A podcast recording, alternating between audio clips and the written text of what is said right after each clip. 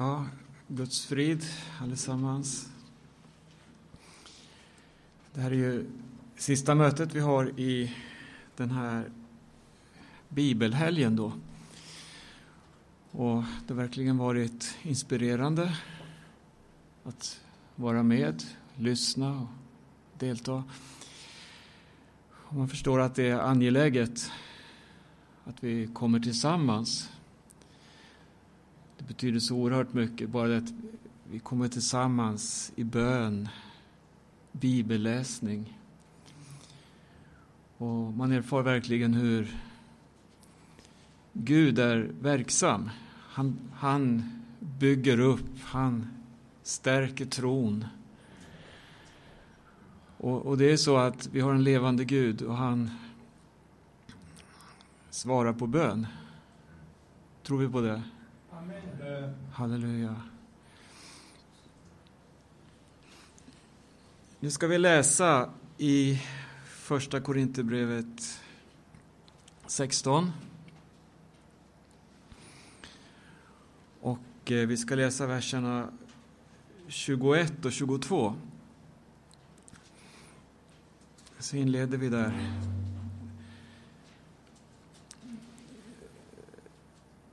Denna hälsning skriver jag, Paulus, med egen hand. Om någon inte älskar Herren ska han vara under förbannelse.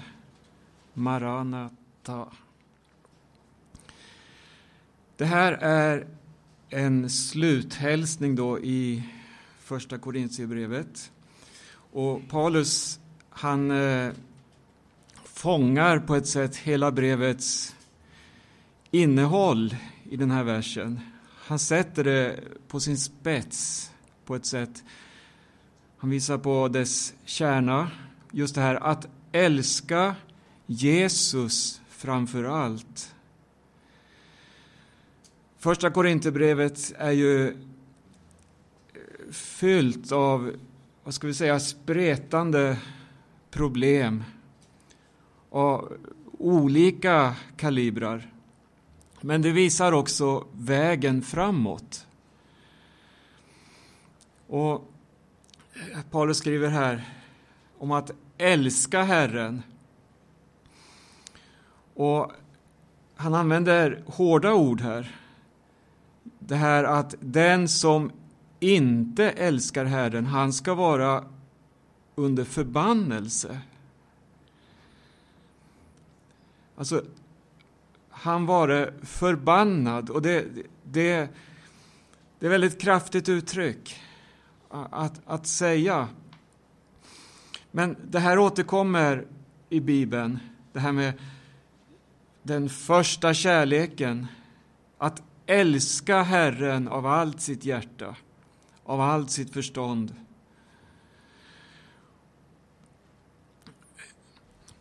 Jag tänker så här också, den som har mött Jesus, kan man då låta bli att älska honom? Nej, det kan man inte. För ett möte med Jesus, det förvandlar allt. Det är en grund i det kristna livet att vi har en frälsare som har förvandlat våra liv. Han som utgav sig själv Kära Herre Jesus, han som kom, du, han gav sitt liv för att frälsa oss från en evig död, från mörkrets välde. Och nu ber vi att den här kärleken ska få förökas i våra liv. Att det här som från djupet ropar, från djupet av hjärtat, kom, Herre Jesus. Maranata, kom, Herre Jesus. Käre Jesus. När vi läser eh, första kapitlet i, i eh, första Korintierbrevet, hälsningen, innan aposteln sedan tar upp många av de svårigheter som fanns så anges den här tonen Maranata, Herren kommer. Man, man ser i hälsningen här hur, hur betoningen den, den ligger på det som vi har fått av Jesus, den som vi är i Herren Jesus Kristus. Det står eh, i fjärde versen så här, första Korinthierbrevet 1 och 4. Jag tackar alltid min Gud för er, för den Guds nåd ni har fått i Kristus Jesus. Och nästa vers. I honom har ni blivit rika på allt. Alltså det finns en rikedom i Jesus. Och på allt tal och all insikt. Och så nästa vers. Eftersom vittnesbördet om Kristus har fått stadigt fäste hos er. Och nästa vers. Därför saknar ni inte någon nådegåva. Här talas det alltså om den nåd ni har fått, vilken rikedom ni har i Jesus. Det talas om vittnesbördet om Kristus och att det finns nådegåvor. Och så kommer det här medan ni väntar på vår Herre Jesus Kristus, eller på att vår Herre Jesus Kristus ska uppenbaras. Det är alltså ett budskap som ropar just det här. Kom, Herre Jesus. Och det, det är den dimensionen vi behöver ha i allt vad vi företar oss. I vårt liv, i vår vardag. Det här Kom, Herre Jesus, du är vårt enda hopp. När man sedan läser fortsättningen i det här brevet så, så möter man så många svåra saker. Käre Jesus. Men ändå så finns det någonting som är större, någonting som väger mera. Och det är just det här, håll fast vid detta. Håll fast vid det som bär dig. Håll fast vid det som kan hjälpa dig att se framåt. Eh, när jag läser vissa eh, versar i, den, i det här brevet så tänker jag, men vad är det här för människor? Vad är det för syskon som Paulus brottas med? Men ändå, i, i, i första versen, förlåt, första kapitlets andra vers, så ser vi hur Paulus skriver så här. Till Guds församling i Korint. De kallade och heliga som helgats i Kristus Jesus. Där fanns det inget tvivel. Det var Guds församling det handlade om. Det var heliga syskon, systrar och bröder som var helgade i Kristus. Kära Herre Jesus.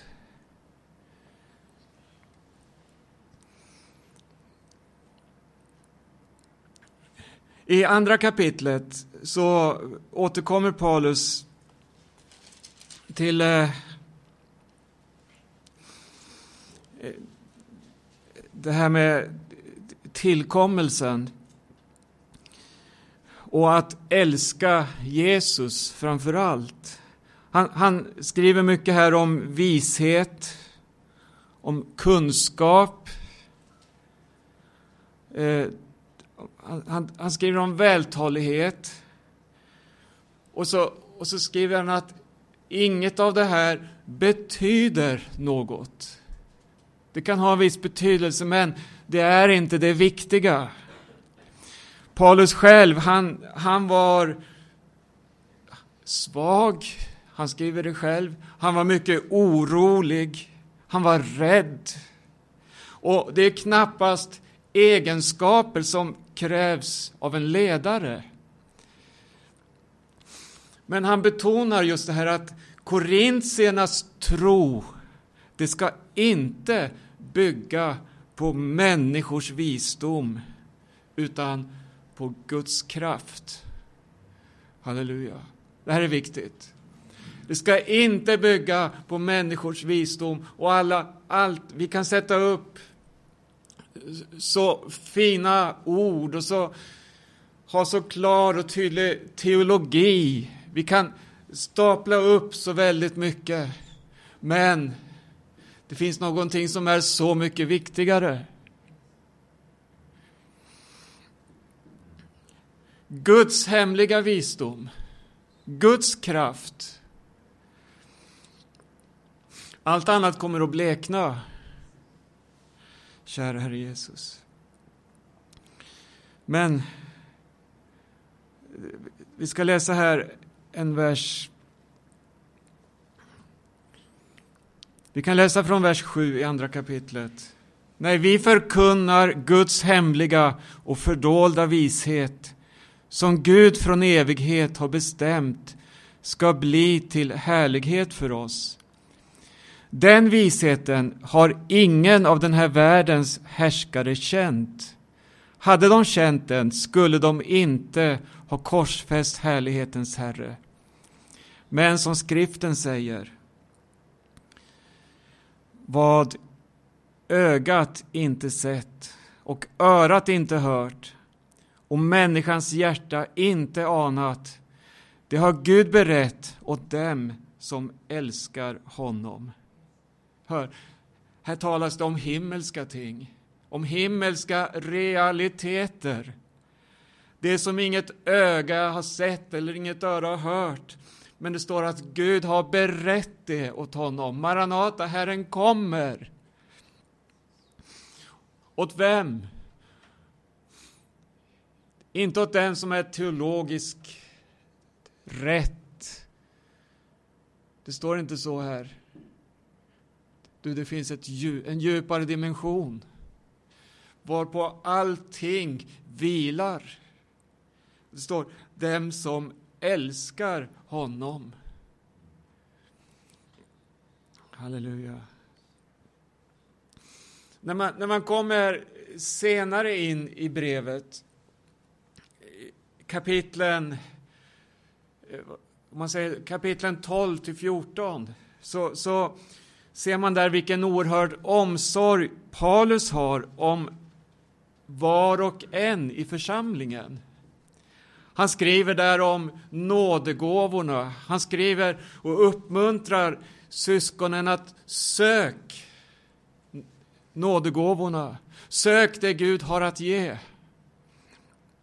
Och det här skriver han trots att det fanns så mycket svåra saker att lösa. Det som han tog upp då tidigare i brevet. Men just det här budskapet om den framkomliga vägen. Det riktas till var och en i församlingen. Det är en väldigt inspirerande läsning, men också uppfordrande klart. Käre Gud i himlen. Så tänker jag på all, alla de här svåra saker då som han tidigare har nämnt. Det handlade om otuktssynder, det var det, det, det, handlar om eh, egoismen och allt det här jagandet, rikedomen, förtrycket mot de fattiga, de här olikheterna i församlingen. När man kommer till Herrens bord kunde ingen Herrens måltid hållas, för en del hade överflöd, andra led nöd. Det handlar alltså om Guds rättfärdighet. Och alla de här sakerna var djupa problem i församlingen. Och så tänker jag så här. När man då står mitt i en sån här situation. Hur ska syskonen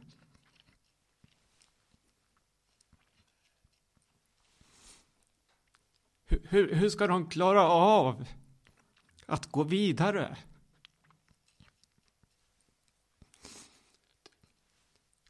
När de möter då, mitt i gemenskapen, alla dessa olika problem. Förtroendet sinsemellan, det måste ha varit förverkat. De måste gå och titta snett på varandra. Frimodigheten att själv fortsätta framåt. Man ser hur andra handlat, vad andra säger, hur man trycker ner varandra och fylls av missmod.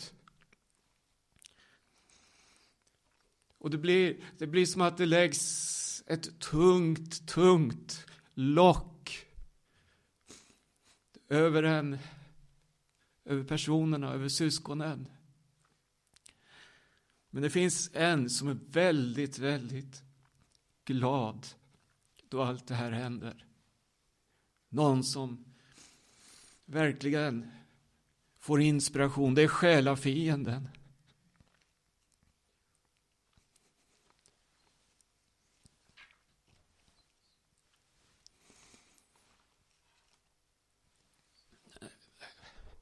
När vi en dag står inför tronen Det här, det, här, det här är viktigt. När vi ska möta vår Herre, vilka ursäkter ställer vi då fram för vårt liv? Det var si och så i församlingen, det var splittring. Det var det ena, det var det andra. Och jag, vad ska jag göra? Jag kan inte ha frimodighet och så vidare. Det är väldigt allvarliga frågor, för det handlar om ditt liv. Det handlar om din tjänst för Gud. Om ditt ansvar i det, det uppdrag som Herren Jesus Kristus har gett dig. Vad sa han? Gå ut i hela världen och gör alla folk till lärjungar. Det står fast. Det står kvar där till dess att han kommer.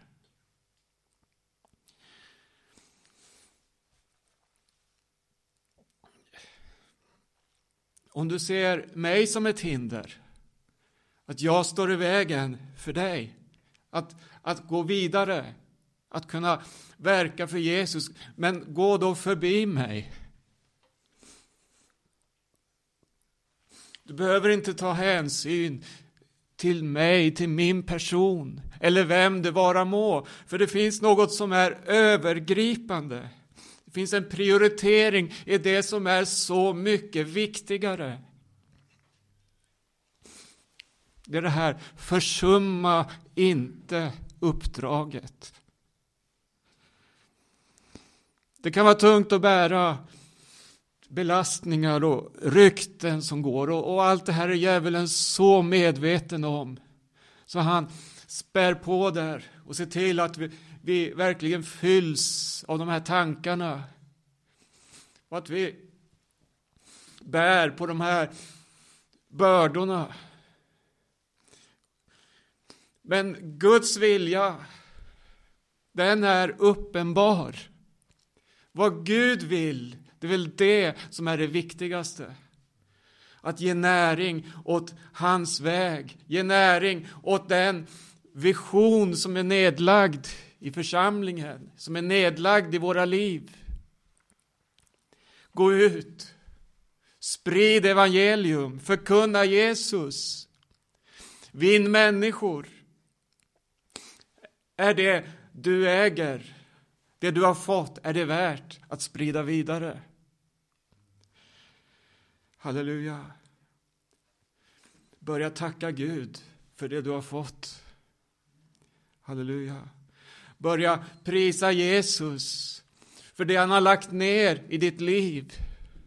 För det övervinner allt skvaller, det övervinner allt förtal. Det övervinner allt det här tunga som vill hindra dig att komma närmare Jesus som vill fylla dig av bitterhet.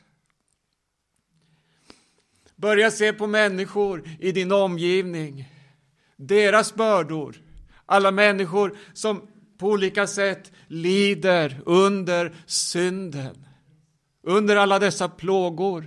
Börja se på dessa människor och så tar du nästa steg. Börja bedja för dem. Börja be för din granne, för din vän, din kollega. Herren behöver vittnen i den här tiden som frimodigt förkunnar evangelium om Jesus. Halleluja. Se på Jesus.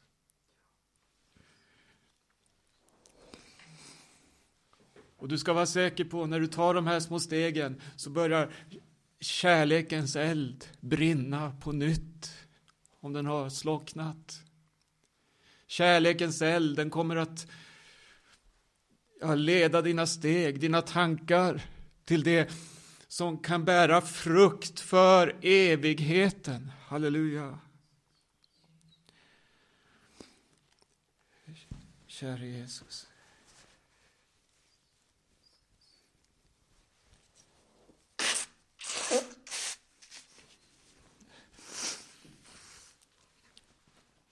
Jesus. Ska vi, vi går till fjortonde kapitlet i första Korinthierbrevet här.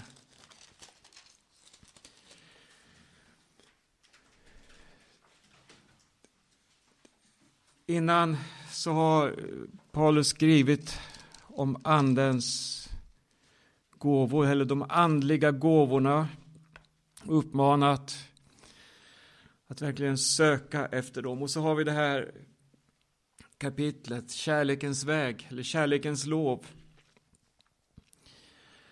Som eh, är ett kitt. Det är någonting som vi, vi inte kan vara utan. Utan det måste vara det, det som bär. Halleluja. Och så står det i fjortonde kapitlets första vers. Sträva efter kärleken. Men var också ivriga att få de andliga gåvorna. Framför allt profetians gåva. Oavsett vad du får möta. Det första här, sträva efter kärleken. Vad är det för kärlek det talas om här? Käre Gud. Och så var ivrig att få andliga gåvor. Eh, När församlingen skulle, vad ska vi säga, födas, innan andedopet i Jerusalem, då fick ju lärjungarna den här undervisningen av Jesus. De hade sina frågor. De hade de såg ju riket, de såg förtrycket i det romerska imperiet.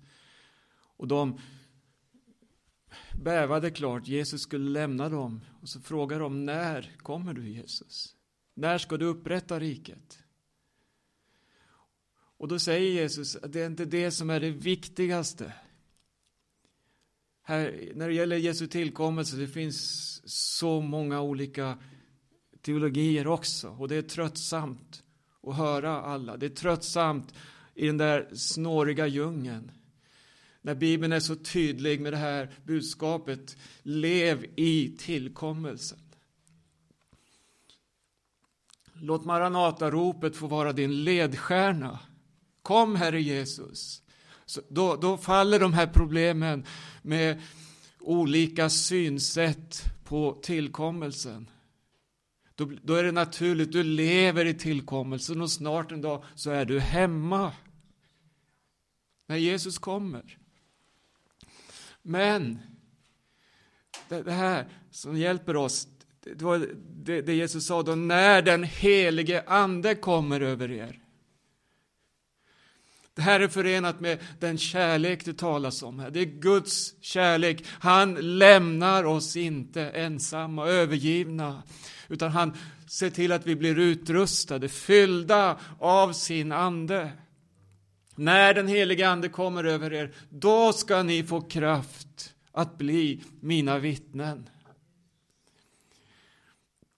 Lämna inte Jerusalem, ge er inte ut på egna försök, på egna gärningar. Nej, bli fylld av helig Ande.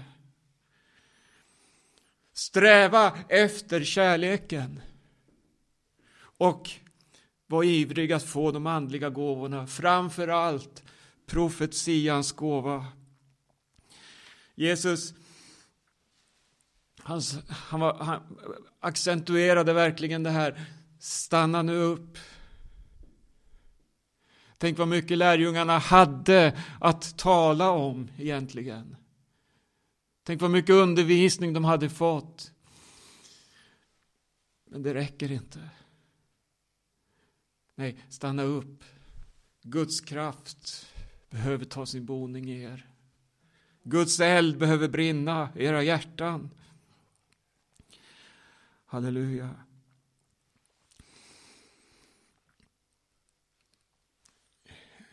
I psalm 42 så står det i andra versen, jag ska bara läsa den. Jag tycker den hör hit. Det här, som hjorten längtar till vattenbäckar så längtar min själ efter dig, o Gud. Min själ törstar efter Gud, efter den levande guden.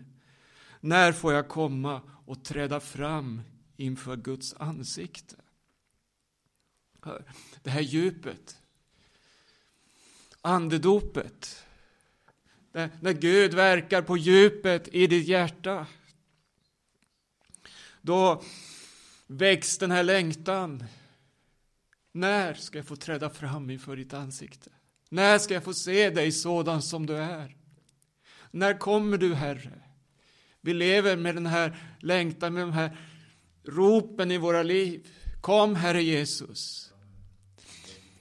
Men vi spekulerar inte i tider och stunder, utan det är ett liv att leva. Maranata, kom.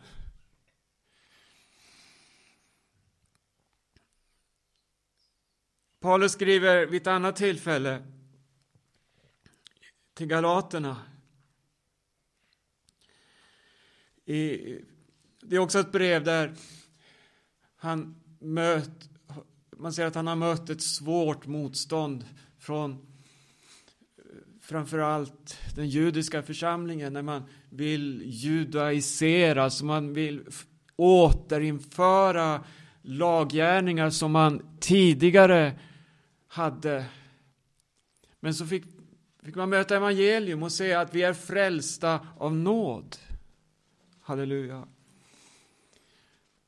Och då skriver Paulus så här i första kapitlet. Vi kan läsa Galaterbrevet 1 och 15. Men han som utvalde mig redan i moderlivet och som kallade mig genom sin nåd beslöt att uppenbara sin son i mig för att jag skulle förkunna evangeliet om honom bland hedningarna. Då rådfrågade jag inte genast människor av kött och blod. Jag gick inte upp till Jerusalem till dem som var apostlar före mig.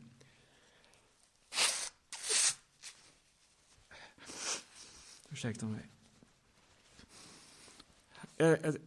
Jag fastnar för den här frasen här. Han, han säger det, jag rådfrågade inte. Han frågade ingen till råds, för här fanns det ett budskap, ett uppdrag han hade fått av Gud. Någonting som var så självklart, så grundläggande, att han... Ja, det gav honom frimodighet. Den frimodighet som du och jag får ha också. Du behöver inte fråga. Utan det Gud har lagt ner i dig.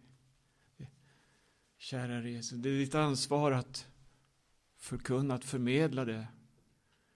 att vara ett kärl för Herren Jesus Kristus. Och så ska vi gå tillbaka till första Korinthierbrevet. Här, när vi, när vi kommer in i nästa kapitel, det femtonde, så skriver Paulus så här, vi kan läsa tredje versen. Jag förde vidare till er det allra viktigaste, vad jag själv har tagit emot. Okej, okay, här skriver det allra viktigaste. Det finns alltså något som är viktigt, men så finns det det som är det viktigaste. Och det får vi ju inte missa. Och då skriver han så här, att Kristus dog för våra synder enligt skrifterna. Det här är grundläggande. Att han blev begravd. Att han uppstod på tredje dagen enligt skrifterna. Och att han visade sig för Kefas och sedan för de tolv och så vidare. Det här, det här är grundläggande. Och sen i det här kapitlet så tar han upp det som har med Jesus och hans uppståndelse att göra. För det fanns de som menade att uppståndelsen inte var verklig. Men om Jesus inte har uppstått från de döda, talar han om, då är ju vi lögnare. Då är vi de mest bedrövliga människorna på den här jorden, för vi lever i en lögn. Vi har satt vårt hopp till något som inte är sant. Men han proklamerar också att Jesus är uppstånden. Det är A och O i förkunnelsen.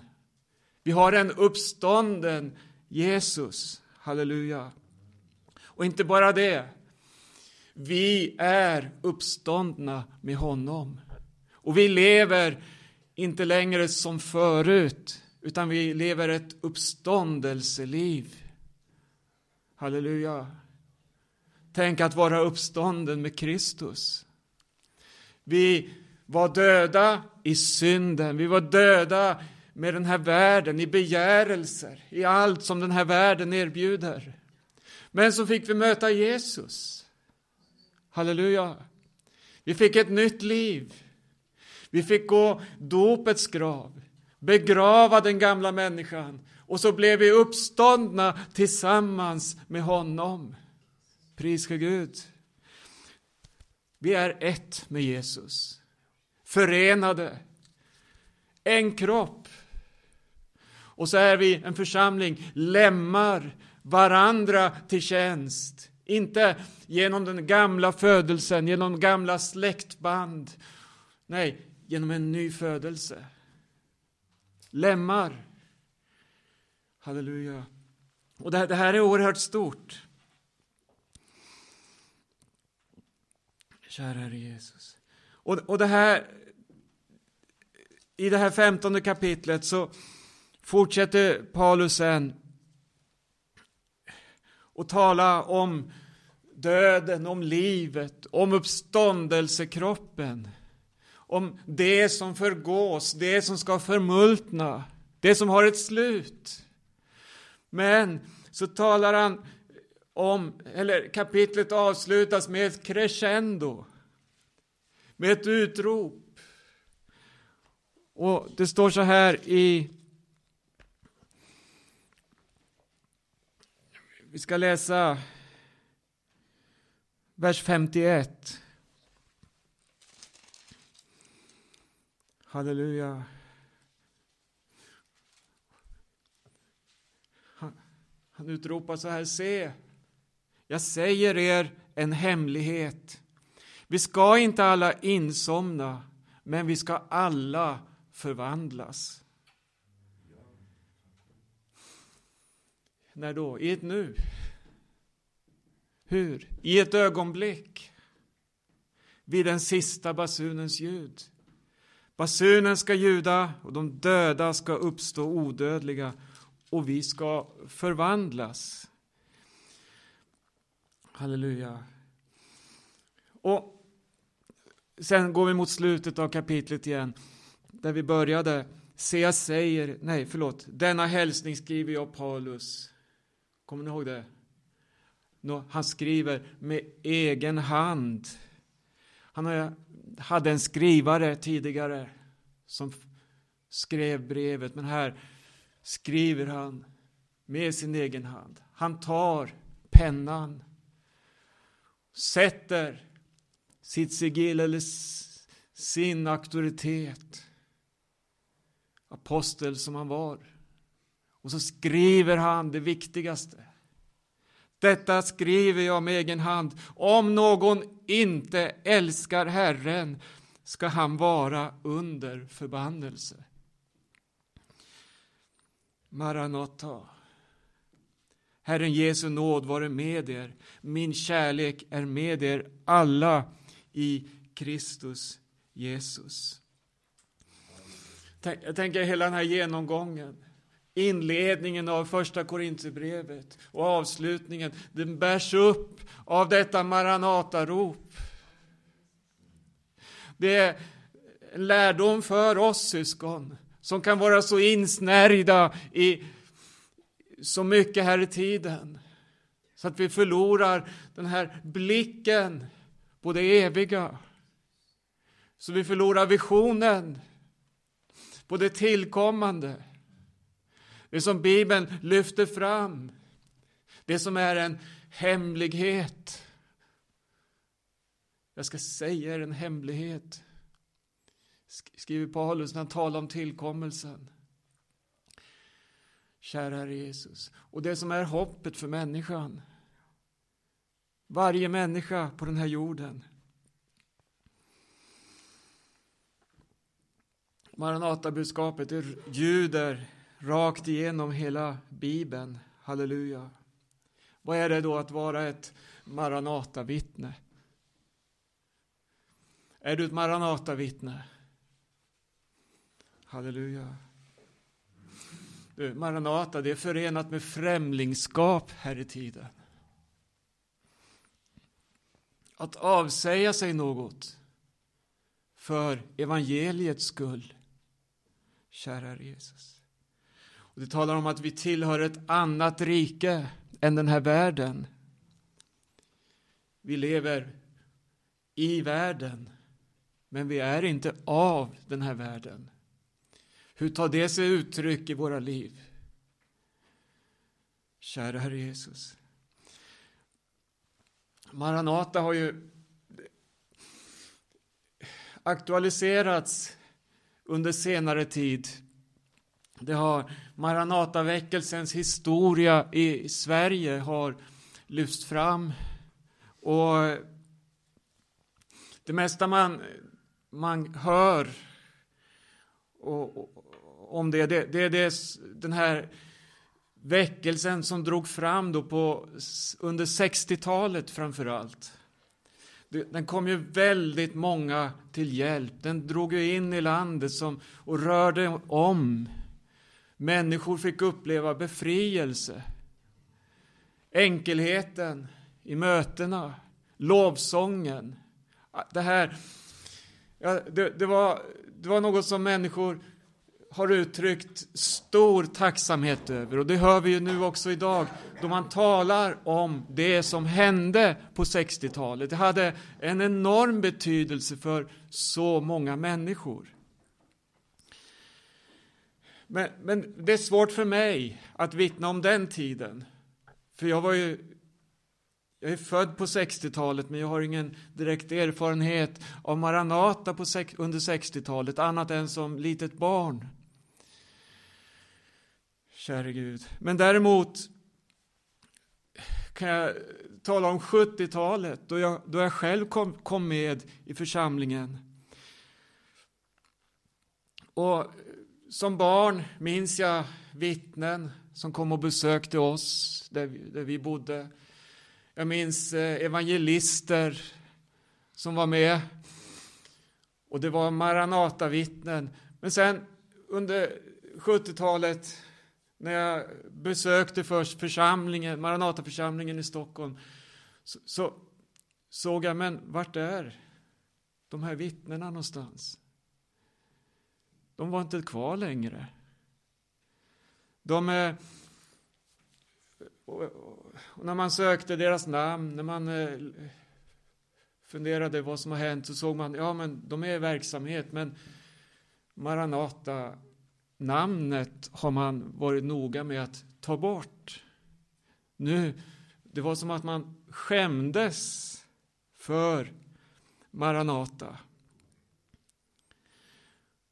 Det fanns orsaker. Man hade gjort ett avståndstagande från församlingen, eller från Maranata. Och något av det man läser om och som också har bekräftats nu på senare tid, det var just det här budskapet och den här, det, det som hade med den dagliga gemenskapen att göra. Det här vi, som vi läser om i Apostlagärningarna, som, som fick sån stor betydelse för församlingen i början på 70-talet. Johannelund, när det som blev, vad ska vi säga, den första storfamiljen då i församlingen. Det var en av orsakerna till att många valde en annan väg. Det här budskapet om att dela med sig av det här vardagliga, den privata ekonomin och så vidare, att leva enkelt och i daglig gemenskap. Jag måste säga så här. Jag var väldigt ung då när jag kom. Men det som för andra då blev en väg att lämna Maranata och ta avstånd. För mig så blev det, var det en räddning.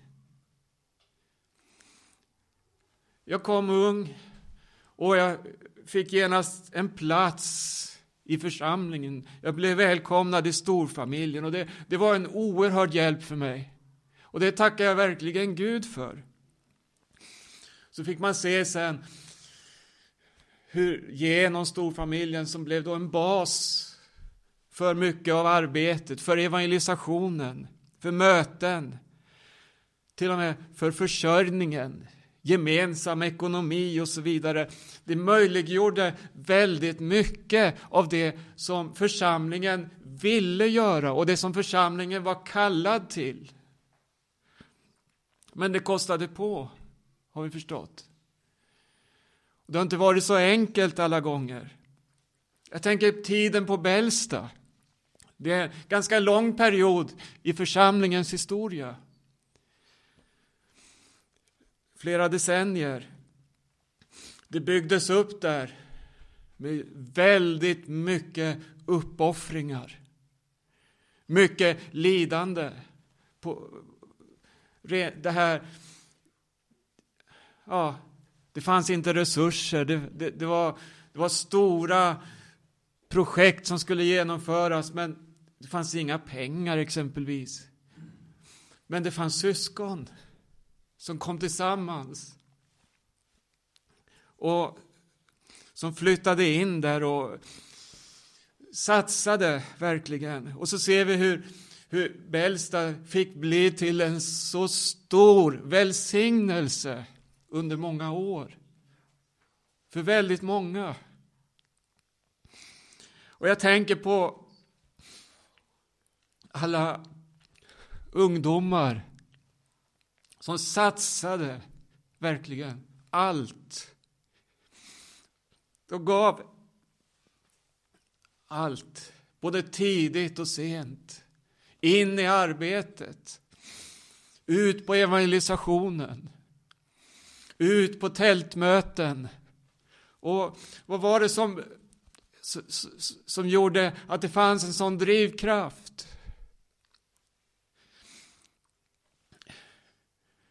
Jag tror att det var det här Maranata. Att man hade fått möta Jesus på ett sätt. Man förstod att det här var viktigt. Det var viktigt att vårda om gemenskapen. Det var viktigt att bära upp varandra i storfamiljen. Att se till att ha en, en plats dit människor kunde komma.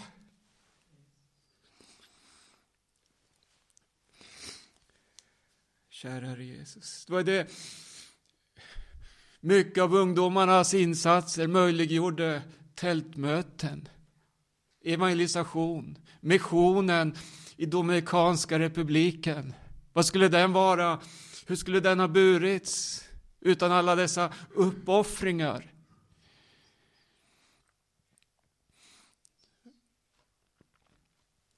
Och jag frågar mig ibland hur, hur, hur har hur har de som nu satsat allt på det här sättet fått en rätt uppskattning som de borde ha fått?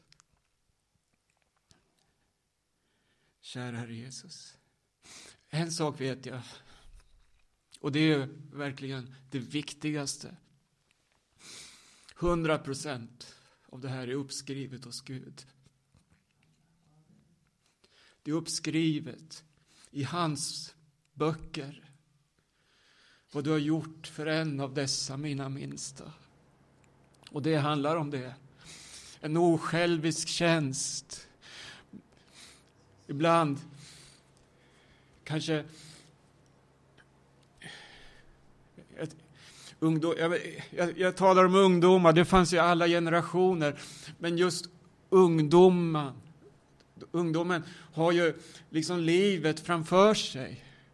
Har ju viljan att vilja satsa på olika sätt i studier, i arbeten, i en karriär och så vidare. Men här, här mötte vi, jag vill vara i församlingen. Jag vill känna Gud i församlingen.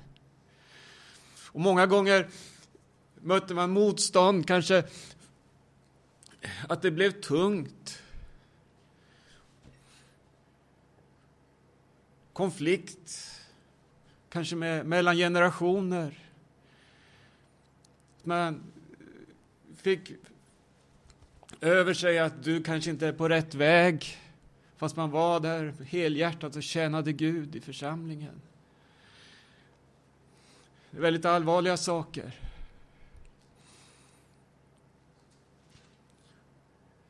Kära Jesus. Vi sätter upp våra mallar jag är själv 60 år. Jag har kanske mina ramar. Och så kan man vara med och lägga tunga bördor på varandra istället för att uppmuntra till kärlek och goda gärningar. Det det jag menar, det jag sa tidigare. Är jag ett hinder för dig? Så försök se bortom. Försök att det finns en Gud som har kallat dig till tjänst. Och låt inte elden slockna. Herre Jesus, medel som vi har efter vägen, förutsättningar, sätt att arbeta och så vidare, det förändras med åren. Det har vi sett. Vi kan inte arbeta idag på det sätt vi gjorde tidigare. Kampen ser ut olika beroende på vilken tid vi lever under. Vad är det som omgärdar oss? Hur samhället ser ut? Hur lagar stiftas och så vidare. Det har ekonomiska förutsättningar. Men det finns någonting som aldrig förändras. Medlen vi har under, under färden, de kan variera. Fastna inte i dem. Fastna inte i de traditionerna. Fastna inte i de mönstren. Men det finns ett mål som är och förblir detsamma. Det är där du ska ha dina ögon. Det är där du ska se. Maranata, Herren kommer.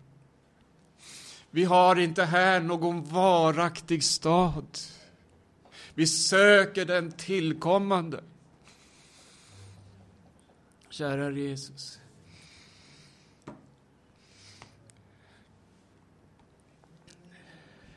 Åh, Herre Jesus Kristus. Jag tycker det är märkligt att läsa sändebreven i Uppenbarelseboken. Jag tänker på det första brevet. Och det, det var en församling som var så engagerad i bra saker. De hade allt, tycker man, när man läser. De var uthålliga, de uthärdade så mycket för Jesu namns skull. De hade prövat falska lärare och så vidare. Det var, det var en församling med gärningar, arbete och uthållighet. De kunde inte tåla onda människor. Käre Gud. Men ändå, det var inte det som var det viktigaste. Det finns något, och det är det här, om någon inte har Herren kär, så vare han förbannad. Den första kärleken. Och jag ber dig, Herre, låt aldrig denna eld få gå förlorad. Låt aldrig denna kärlek få svalna eller stelna eller vad det kan vara. Är vi på fel väg, Herre? Håller vi på att förlora den här dynamiken, det här djupet? Så ruska du om oss, Herre. Låt denna kärlek få vara överflödande i våra liv, alltid. Den som inte söker sitt eget, utan den som söker vad ditt hjärta säger, Herre. Människors frälsning. Jag tänker på barnen i församlingen. Kär, jag tänker på familjerna som kämpar så oerhört under dessa omständigheter som vi lever i idag, men som beder för sin... Här måste församlingen också vara ett stöd. Vårda om familjerna, vårda om barnen. Herre Jesus Kristus. Jag ska stanna här. Det jag sagt, det är en en bön egentligen från djupet. Herre, bevara oss. Bevara församlingen i detta Maranata-rop. Du kommer snart, Herre. Amen. Amen. Vi prisar dig, Herre Jesus Kristus. Vi lovar dig, Fader i himmelen. Halleluja, halleluja. Tack för din nåd, tack för din trofasthet, Herre. Tack, Herre, att vi får lägga allt i dina händer, Herre. Ja, halleluja, vi ber dig, Herre. Du ser var svensk kamp, Herre Jesus Kristus. Men tack att du är nära, Herre Jesus. Tack att du ger kraft för varje dag, Herre. Halleluja. Tack att vi får se på dig, Jesus. Och att du kommer snart. I Jesu namn. Amen. Amen.